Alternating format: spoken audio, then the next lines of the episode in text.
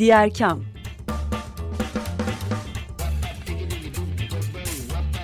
Sosyal fayda dünyasından fikirler, tartışmalar, haberler.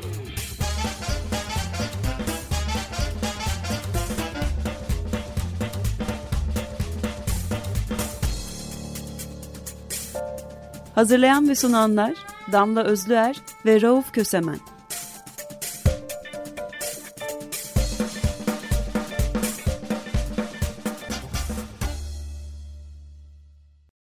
Diğer kamdan herkese merhaba. Açık Radyo'dasınız 95'te. Ortağım Damla Özler ve ben Rauf Kösemen'le birliktesiniz. Bir konumuz var her zaman olduğu gibi. Özlem Altıparmak. Avukat Özlem Altıparmak, Hukuk, Doğa ve Toplum Vakfı e, yöneticilerinden ve yönetim kurulu başkanı ve kurucusu. Hoş geldiniz Özlem Hanım. Hoş buldum. Merhabalar. Çok teşekkür ederim davetiniz için. İk, hoş iklim ve ben... çevre iklim, çevre ve hukuk ve ya, hak temelli iklim politikaları.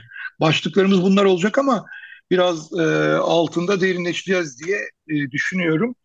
Söz sende Damla. Ee, Özlem bir kere de ben hoş geldiniz diyeyim. Ee, karşılaşmaktan ve tanışmaktan çok mutlu olduğumuz bir e, vakıf oldu e, Hudoto ve İzmir temelli bir vakıf aslında memleketimden bir vakıfta diyeyim. Böylelikle de konuyu kişiselleştirmiş de olayım aynı zamanda. Ee, Özlem kuruluşunuzla başlayalım mı? Kasım 2022'de resmi kuruluş işlemleriniz tamamlanmış. Ee, doğa, çevre, hayvan ve insan haklarının ekolojik sürdürülebilir ekonomi ve kalkınmanın şimdiki ve gelecek nesillerin iyi, sağlıklı ve refah içinde yaşamalarının toplumun eşit ayrımcılıktan uzak demokrasi ve barış içinde yaşamasının doğal tarihi, sportif ve kültürel değerlerin sağlanması diyorsunuz özetle. Biraz kuruluş hikayenizi anlatın bize. Nasıl başladınız? Hangi boşluğu görerek bu vakıf kuruldu ve nereye müdahale ediyor? E, tabii e, yani biz e, çok uzun zamandır Türkiye'de insan hakları mücadelesinin içerisindeyiz ve hani e, kendimi aslında ben e, bir insan hakları savunucusu e, olarak tanımlıyorum. Biz aslında hukuk büromuz çatısı altında çok uzun zamandır sivil toplum kuruluşlarına işte danışmanlık, raporlama, yani dava takibi, çeşitli savunuculuk süreçlerinde destek veriyorduk. Fakat hani sizler de biliyorsunuzdur bir hukuk bürosu olarak çalıştığınız zaman Türkiye'de kar amacı gütmeyen bir yapılanma olmadığı için de hani şirket gibi algılanıyorsunuz ve çeşitli e, hani e, ortaklıklarda, fon başvurularında, projelerde zorluklar e, yaşadık. Ve biraz daha böyle etki alanımızı kuvvetlendirmek için bir vakıf çatısı altında e, örgütlenmek istedik. E, biraz vakıfların kuruluşu sancılı olabiliyor. İşte mahkeme süreçlerine başvuruyorsunuz, izin alınıyor vesaire. E, ama bu süreci tamamladık e, ve e, hani kuruluşumuzdan itibaren de aslında biraz e, yani hukukçu olarak e, yaptığımız faaliyetleri e, vakıf bünyesinde e, yapmaya e, devam ediyoruz. Aslında biraz hukukçu örgütlenmesi şeklinde gidiyoruz. Yani gönüllerimiz de aslında hukukçulardan oluşuyor.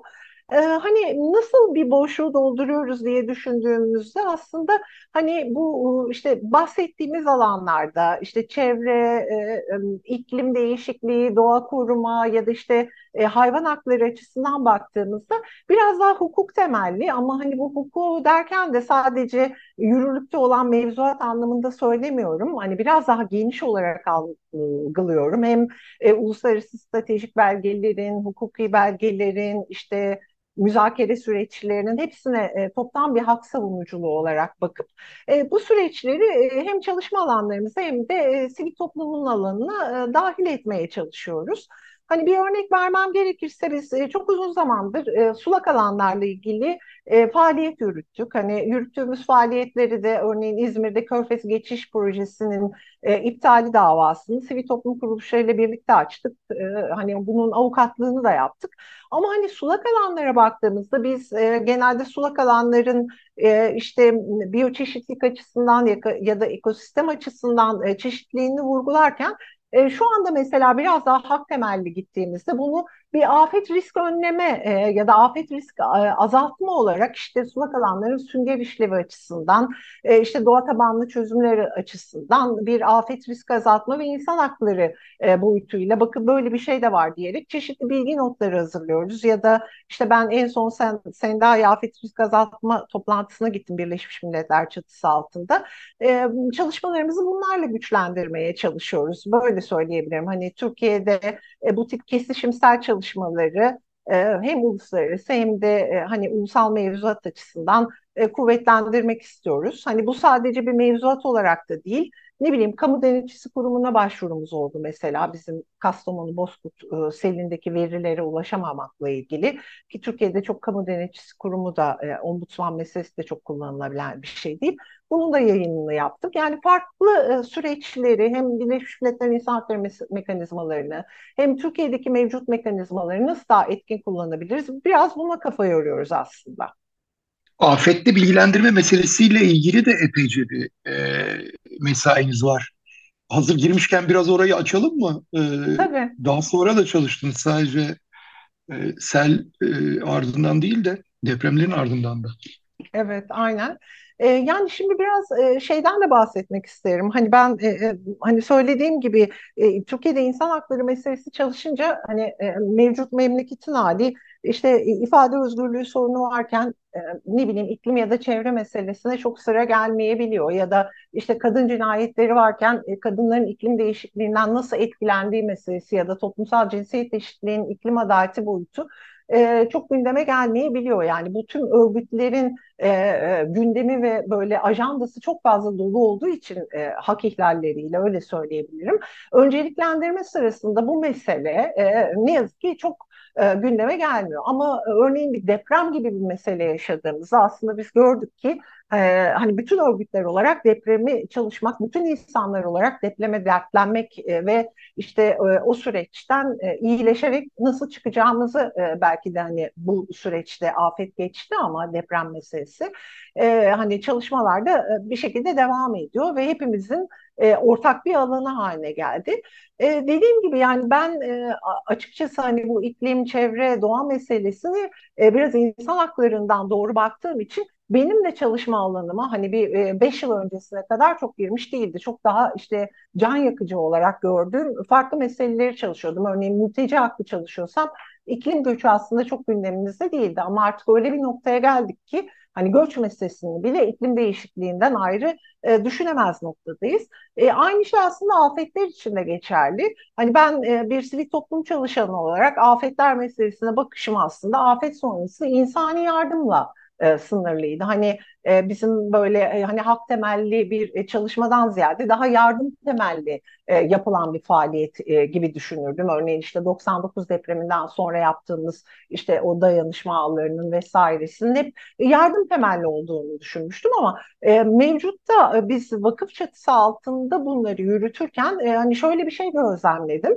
Hani afete hazırlık, müdahale ya da afet e, önleme süreçlerinin aslında çok ciddi bir insan hakları boyutu var. E, bir, bir ilk olarak bunu söylememiz gerekiyor. Sadece depremle sınırlı olarak söylemiyorum.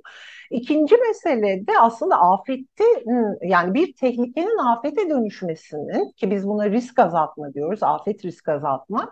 E, o tehlikeyi afet olarak yaşamamak için yapılan bütün çalışmalar da aslında e, bir hak temelli e, çalışma olarak. Biraz bizde böyle hatalı kullanımlar da var mesela doğal afet e, gibi şeyler kullanıyoruz ama afetler aslında doğal şeyler falan değil. Afetler bir sonuç doğal olanlar tehlike. İşte o tehlikenin yani deprem tehlikesinin işte hatalı kentsel dönüşüm politikaları ya da işte aslında kentsel dönüşmeme politikaları ya da e, işte e, planlama süreçleri ya da idarenin e, kusuru nedeniyle hani Japonya'da 7 şiddetinde bir deprem afet olarak yaşanmıyorsa yaşanmıyorken Türkiye'de bunun afet olarak yaşanmasının e, sebebi aslında tamamen e, bu riskin azaltılmıyor olması olarak gördük. Ve e, dediğim gibi yani afet dediğimiz şey sadece bir deprem falan olarak bu coğrafyada algılansa da aslında hani iklim değişikliğine bağlı az önce örneğini verdiğim işte Bozkurt'taki selde, bir orman yangında ya da işte bir e, e, zehirli atıktan oluşabilecek bir e, a, hani e, afetle ya da Covid süreci de aslında bir biyolojik afet olarak e, e, yaşanabiliyor ve aslında biz Tam da Covid süreçlerinde öğrendik aslında bunun nasıl haklarımızı e, etkileyebildiğini, gıda hakkımızdan, seyahat hakkımızdan ya da sağlık hakkımızın nasıl etkilendiğini o süreçlerde de gördük.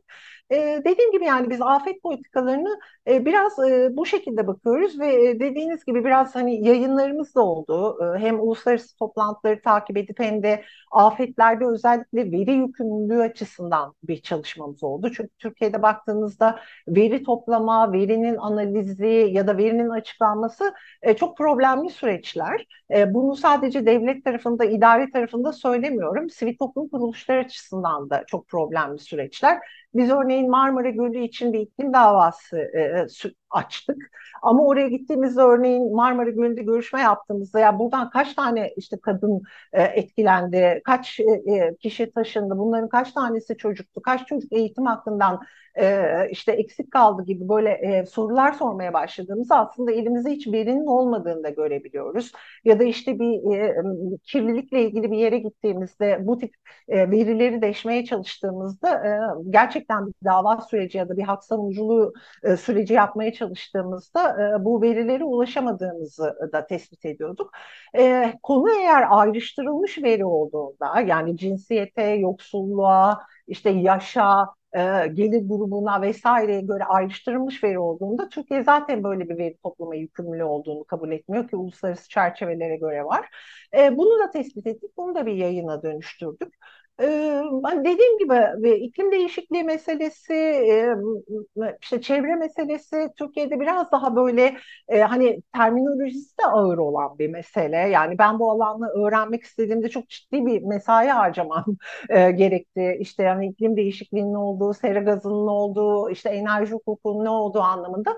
E, bu da aslında iklim adaleti açısından da dünyada çok tartışılıyor. Ee, yani ciddi bir iklim adaletsizliği sorunu ve iklim hani izolasyonalizmi denilen yani bir izolasyon yarattı ve belli gruplar e, arasında tartışıldı ve işte hani o halka ya da işte bir Özlem Altıparmak'ın hakkını nasıl etkileyeceği ya da Özlem Altıparmak'ın bu meseleyi neden dert edilmesi gerektiğiyle ilgili böyle bir işte katmanları soymaya başladığınızda çok iyi anlatamadığımızı e, biraz da gözlemliyorum. Keza aynı şey afet e, risk azaltımı açısından da geçerli.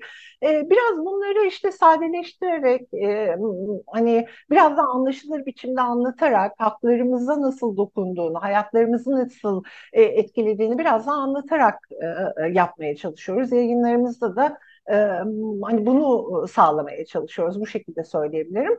E, bizim de işte e, afet meselesinde hem e, önleme, hazırlık ve müdahale süreçlerinin e, önceliklendirdiğimiz meselesi de aslında risk azaltma süreçleri.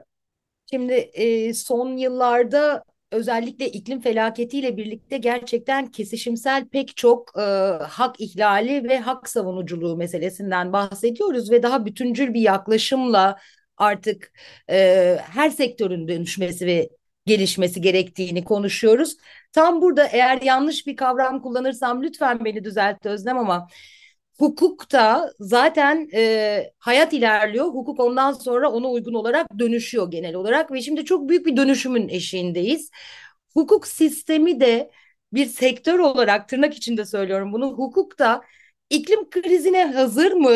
Nasıl dönüşmeli ve buralarda yapılacak neler var? Hali hazırda ile Türkiye bağlamında baktığımız zaman hak savunucularının işinin çok zor olduğunu görüyoruz. Şimdi üstüne bir 3, 4, 5 katman daha zorluk geliyor. Çünkü iklim adaletiyle bağlanmış bir hukuk çerçevesi oluşturulmaya çalışıyor. Bu süreç nasıl ilerliyor? Onu sorayım mı? Çok büyük bir soru biliyorum ama. Yok yani büyük bir soru ama güzel de bir soru. Yani benim de biraz üzerine kafa yorduğum bir mesele. Yani ben e, son bir yıldır Birleşmiş Milletleri, e, Birleşmiş Milletler İnsan Hakları e, Komiserliği'nin ve işte İnsan Hakları Konseyi'nin çağrılarını takip ettim.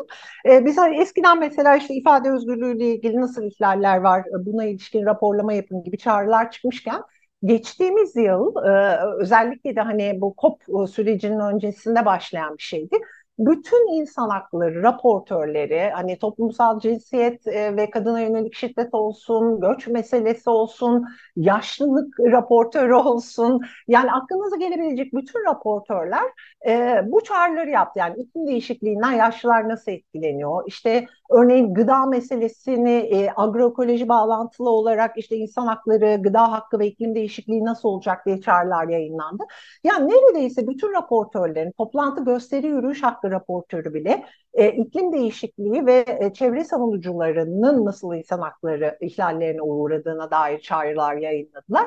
Ve benim gözlemleyebildiğim kadarıyla hani uluslararası hani insan hakları ve işte hukuk meselesinde bu bir e, ortak gündem oldu. Ve COP öncesinde yani e, Şarm El Şeyh'te yapılan COP öncesinde bütün insan hakları raportörleri aslında COP'un bir insan hakları izleme süreci olması gerektiği, işte kayıp zarar mekanizması diye tartıştığımız şeyin e, aslında bir e, hani insan hakları meselesi olduğunu, yine iklim adaletinin işte e, e, hani kırılgan ülkelerin güçlendirilmesinin de e, hep bu insan hakları temelli çağrı konuşulması gerektiğini söylediler. Bir şey daha oldu geçtiğimiz sene. E, çevre hakkı, sürdürülebilir, sağlıklı, temiz bir çevrede yaşam hakkı bir insan hakkı olarak kabul edildi. Birleşmiş Milletler Genel Kurulu'nda. Hani size komik gelecektir. 1945'lerden itibaren hak kategorileri gelişiyor. Mülkiyet hakkı, adil yargılanma hakkı. Yahu çevre hakkı daha yeni mi e, küresel anlamda bir hak oldu? Evet ne yazık ki yeni bir e, hak olarak kabul edildi. Temmuz e, ayında hak e, olarak yani küresel uzlaşıyla kabul edildi. Bununla da yetinilmedi. Hani şurada bir nokta e, e, e hani bir virgülle bizim anayasamızda örneğin sağlıklı bir çevre hakkı bir e, anayasa maddesidir. Ama hani uluslararası anlamda e, bir hak kategorisine girmesi yeni gerçekleşti. Bununla da yetinilmedi. Örneğin şöyle bir şey yapıldı. Uluslararası Adalet Divanı'ndan bir görüş istendi. Ee, özellikle Vanuatu, Tuvalu gibi bu Pasifik Ada devletlerinin e, katkısıyla e, dendi ki yani bu devletlerin artık iklim değişikliğinde yükümlülüklerini yerine getirememesi, e, Birleşmiş Milletler çatısı altında evet bir sürü belgeler, işte COP süreçleri tartışılıyor, ne bileyim işte e, farklı farklı kurumlarda bu tartışılıyor ama Dendi ki yani bunun bir e, e, hani e, hukuki süreç olarak ne olacak? Ya da gelecek nesillerin hakkı açısından iki konuya değindi. Gelecek nesillerin hakkı açısından sera gazının e, azaltılmamasının sonucu ne olacak diye şu anda Uluslararası Adalet Divanı'nın bu yıl sonuna kadar bir görüş e, bildirmesi gerekiyor örneğin bütün devletleri. Bunun nasıl haklarımızı etkilediği aslında e, yani bağlayıcı bir hukuku metin çıkabilir mi diye. Ben tüm bunları aslında baktığımda e, yani hem hukuk süreçleri hem stratejik belgeler hem de e, çeşitli karar alma süreçleri açısından aslında tam da senin söylediğin gibi e, bu yapılan tartışmaların, müzakere süreçlerinin hukuku bir şekilde ittirdiğini ve e, e, bir karara zorladığını görüyorum. Aslında bu Türkiye için de e, bu şekilde olacak bir şey. E, hani bu bu bu şekilde sivil toplumun çok büyük etkisi oluyor mudur karar alma ve hukuk süreçlerine? Hani şu anda mesela bir iklim yasası tartışılıyor. Taslak e, sanayi ticari ticaret odalarından geldi. E, sivil toplum kuruluşu olarak ne yazık ki sadece ticaret odalarının ve sanayi kuruluşlarının davet edildiğini görüyoruz ki ben iklim şurasını Türkiye Barolar Birliği adına e, takip etmeme rağmen ne Barolar Birliği'nin ne de Türkiye'deki iklim STK'larının önüne görüş için gelmiş bir e, iklim yasası yok. E, o noktada hani hukukun biraz daha geriden geleceğini ama sivil toplum kuruluşlarının da biz hak sahibi yurttaşların da hukuku bir enstrüman olarak etkili olarak kullanması ve davalarla, taleplerle bilgi edinme hakkı gibi e, hani e, süreçleri dahil olarak ya da kamu denetçisi kurumu gibi yani bu mekanizmaları etkin ve işlevli kullanarak ki bunları Birleşmiş Milletler'in e, e, bence bütün raportör işte konsey ya da Avrupa İnsan Hakları Mahkemesi gibi süreçler de dahil olmak üzere yani hukuk e, ne yazık ki yargısal aktivizm e, bizim bildiğimiz aktivizm kadar ili, yani hızlı ilerleyen bir şey değil. İşte yargıyı da biraz aktivizme sevk edecek çaba harcamak gerekiyor. Ben bizim vakfımızın da aslında hani bu eksikliği ve bu çabayı doldurmak ve aslında ortak çalışmalar, kesişimsel çalışmalar yapmak üzere önemli bir işlev göreceğini düşünüyorum Türkiye'de. Ee, şimdi burada birkaç kavramdan söz ettik ya. Sürdürülebilir bir çevrede yaşama hakkı, e, iklime hak temelli bakmak e, ve bunun e, hukuki formlarının yani yasalar ve yönetmelikler haline getirilmiş e, şeklinin e, oluşması ve bunun önemi e, aslında bütün bunlar bir adalet kavramı çerçevesinde, adalet kavramı bağlamında ifadelendiriliyor. E, programın son 6-7. dakikasındayız ama bir iklim adaleti nedir e, diye bir çerçeve çizsek mi bu aşamada? Yani e, adalet kavramı insanlık tarihi boyunca zaten en zor e, tanımlanan kavramlardan bir tanesi. Hani bir hukuk fakültesi mezununa adalet nedir diye sorduğunuzda bile yanıt alamayabiliyorsunuz. Çünkü biz genelde e, elimize aldığımız işte Türk milleti adına verilen bir mahkeme kararının adalet olduğuna inanıyoruz bir müddet sonra mesleki deformasyon da gereği e, iklim değişikliğinin e, bağlantılı bir şekilde iklim adaletinin ne olduğuna gelince de aslında hani iklim değişikliğinin e, etkilerinin e, eşit sonuçlar yaratmaması üzerine çıkmış bir kavram olarak söyleyebilirim. Yani iklim değişikliği her insanı, her topluluğu, her coğrafyayı, işte her katmanı eşit bir şekilde ya da her türü eşit bir şekilde e, etkilemiyor. E, iklim adaleti denilen şey de aslında iklim değişikliğinden e, adil bir e, sonuç üretebilir miyiz meselesi ya da adil bir şekilde e, bu sonuçların yüklerini paylaştırabilir miyiz ya da iklim değişikliğini acaba hepimiz aynı şekilde mi etkiliyoruz? Bu devletler nezdinde de olabilir, kişiler nezdinde de ya da işte topluluklar nezdinde de işte Amerika Birleşik Devletleri'nin iklim değişikliğine etkisiyle Örneğin işte az önce konuştuğumuz Vanuatu'nun iklim değişikliğine tarihsel olarak etkisi aynı aynı mıdır? E, işte buradan e, iklim adaletinin en önemli bizim tartıştığımız meselesi gündeme geliyor. Ortak ama farklılaştırılmış sorumluluk. Yani hepimizin ortak bir sorumluluğu var ama e, katkımız oranında, gücümüz oranında farklılaştırılmış sorumluluklarımız mı e, olmalı? Ya da iklim değişikliğinden hepimiz e, işte yaşlıları, gençleri, kadınları ya da işte LGBTİ bireyleri aynı şekilde mi etkileniyoruz? Tıpkı afetler meselesinde de, de e, konuşulacağı gibi. Ya da işte e, iklim değişikliğine baktığımızda e, şimdi mesela atmosfer sömürgeciliği diye bir kavram var. Yani atmosferde işte sera gazı değil mi e, salınmış ee, ve işte biz bu atmosferi tıpkı madenleri sömürdüğümüz gibi sömürmüşüz ama hani şu anda geldiğimiz noktada bize dayatılan bir şey var. Sen şu kadar e, gaz salacaksın, öbürü bu kadar salacak. Acaba bu ekolojik borç anlamında e, hepimizin işte kalkınma hakkıyla birlikte tartışılan kavramları iklim adaletinin acaba hepimizin e, gerçekten adil bir sonuç doğurabilir miyiz? Ya da doğa temelli bakışta yani ekosantrik bakış anlamında baktığımızda e, iklim adaletine şöyle bakışlar da var. Hani aslında tüm türler işte bir nehir, işte bir akan e, değil mi gürül gürül akan bir e, nehirle Özlem Altıparmak aynı şekilde mi etkileniyor? Onların sesini nasıl duyacağız? Yerli halkların sesini nasıl duyacağız? İklim adaleti aslında baktığımızda e, ben şey olarak görüyorum. E, yani önümüzdeki dönemin eşitlik, e, belki eşitliğin bir tık ötesine giderek hakkaniyet ve adalet anlamında hepimizi ortaklaştıracak bir e, e, ortak çalışma alanı olarak görüyorum. E, temel bir e, adil hayat dert alanı ve temel bir gayret alanı olarak da görüyorum. Çünkü dertlendiğimiz ölçüde e, buna bir e, ortak çözüm bulmak zorunda da e, kalıyoruz. İşte bu iklim değişirken e, hepimizin e, nasıl güçlenerek çıkacağı, örneğin yenilenebilir enerjiye geçeceksek e, işte diyelim ki işte bir kömür santralini kapatacağız, e, termik santrali kapatacağız. Gerçekten burada işte 100 tane erkek işçiye yenilenebilir sektörde iş bulma üzerinden bir adil geçiş, adil dönüşüm e, süreci mi tasarlayacağız yoksa oradaki işte kadını da o sürece katarak e, kadını da güçlendirerek oradaki çocuğu da genç kızı da güçlendirerek top, toplumu e, e, dönüşümünü mü sağlayacağız?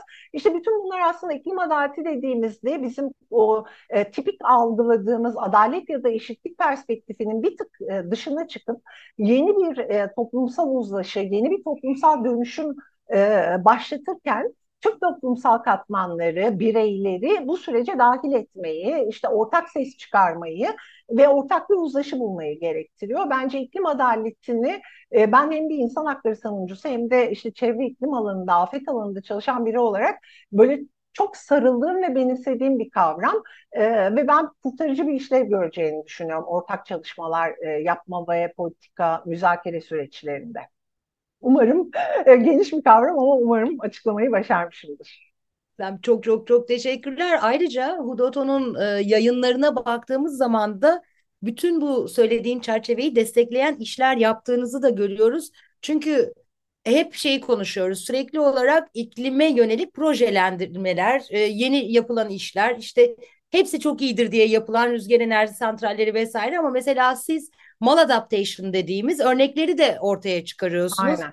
Karaburun'daki rüzgar enerji santralleri ile ilgili bir maladaptation yani yanlış evet. uygulama, e, yanlış dönüşüm raporunuz da var. Bir e, dinleyicilerimiz için web sitenizi söyleyelim çünkü burada çok ilgilerini çekecek yayınlar olduğunu da düşünüyorum. hudoto.com'dan e, hem yayınlarına e, hukuk e, doğa ve toplum vakfının hem de e, eğitimlerine erişebilirsiniz. Çünkü dönemsel olarak online eğitimler de yapıyorsunuz değil mi? Son evet. bir dakikamız bu son bir dakikada kısaca söylemek istediklerimizi toparlayalım mı? E, Valla olur. Hani önümüzdeki dönem ne yapacağız? Önümüzdeki dönemi etkiniz desteğiyle e, COP e, sürecini takip edeceğiz. Bir de belki şeyi de söyleyebilirim. UNDP GEF projesiyle de bir agroekoloji okulu yapacağız. Bu okulun ne farkı olacak derseniz agroekoloji de insan hakları, gıda hakkı e, boyutuyla tartışacağız. Sanki agroekoloji sadece tarımcıların, işte çiftçilerin falan meselesiymiş gibi e, anlaşılıyor. Ama ben iklim değişikliği, biyoçeşitlilik ve işte e, gıda hakkı, e, e, gıda egemenliği, gıda güvenliği anlamında böyle hak boyutuyla e, önemli bir işlev göreceğini düşünüyorum. E, Ekim sonunda da e, böyle e, işte bizim e, çok uzun süredir doğasını, e, işte çevresini savunmak için mücadele ettiğimiz Gökçealan ve Kirazlı e, köyleri var e, İzmir Kuşadası kesişiminde. E, orada yüz yüze bir e, agroekoloji pilot e, okulu e, uygulamamız olacak. E, hani tüm katılım din, bizi dinleyenleri de bu süreci takipte kalmalarını rica ediyorum. Umarım e, dinleyicilerden de e, çalışmalarımıza ilgi duyanlar ve tanışabileceğimiz e, kişiler olur. Çok teşekkür ederim bu fırsatı verdiğiniz için. Biz teşekkür ederiz. Hudoto'nun farklı çalışmaları ile ilgili farklı programlar yapmaya ihtiyacımız var. Burada onu fark etmiş durumdayız. Tekrar mutlaka e, buluşacağız. 95.0 Açık Radyo'da, diğer kamda Damla Özler ve Rauf Kösemen'le beraberdiniz. Sevgili avukat Özlem Altıparmak, iklim hukukumuz, iklimle hukukumuz üzerine ve toplum olarak birbirimizle hukukumuz üzerine bizlerle birlikteydi. Çok teşekkürler Özlem. Haftaya görüşmek üzere. Hoşça kalın diyoruz. Hoşçakalın. Hoşçakalın.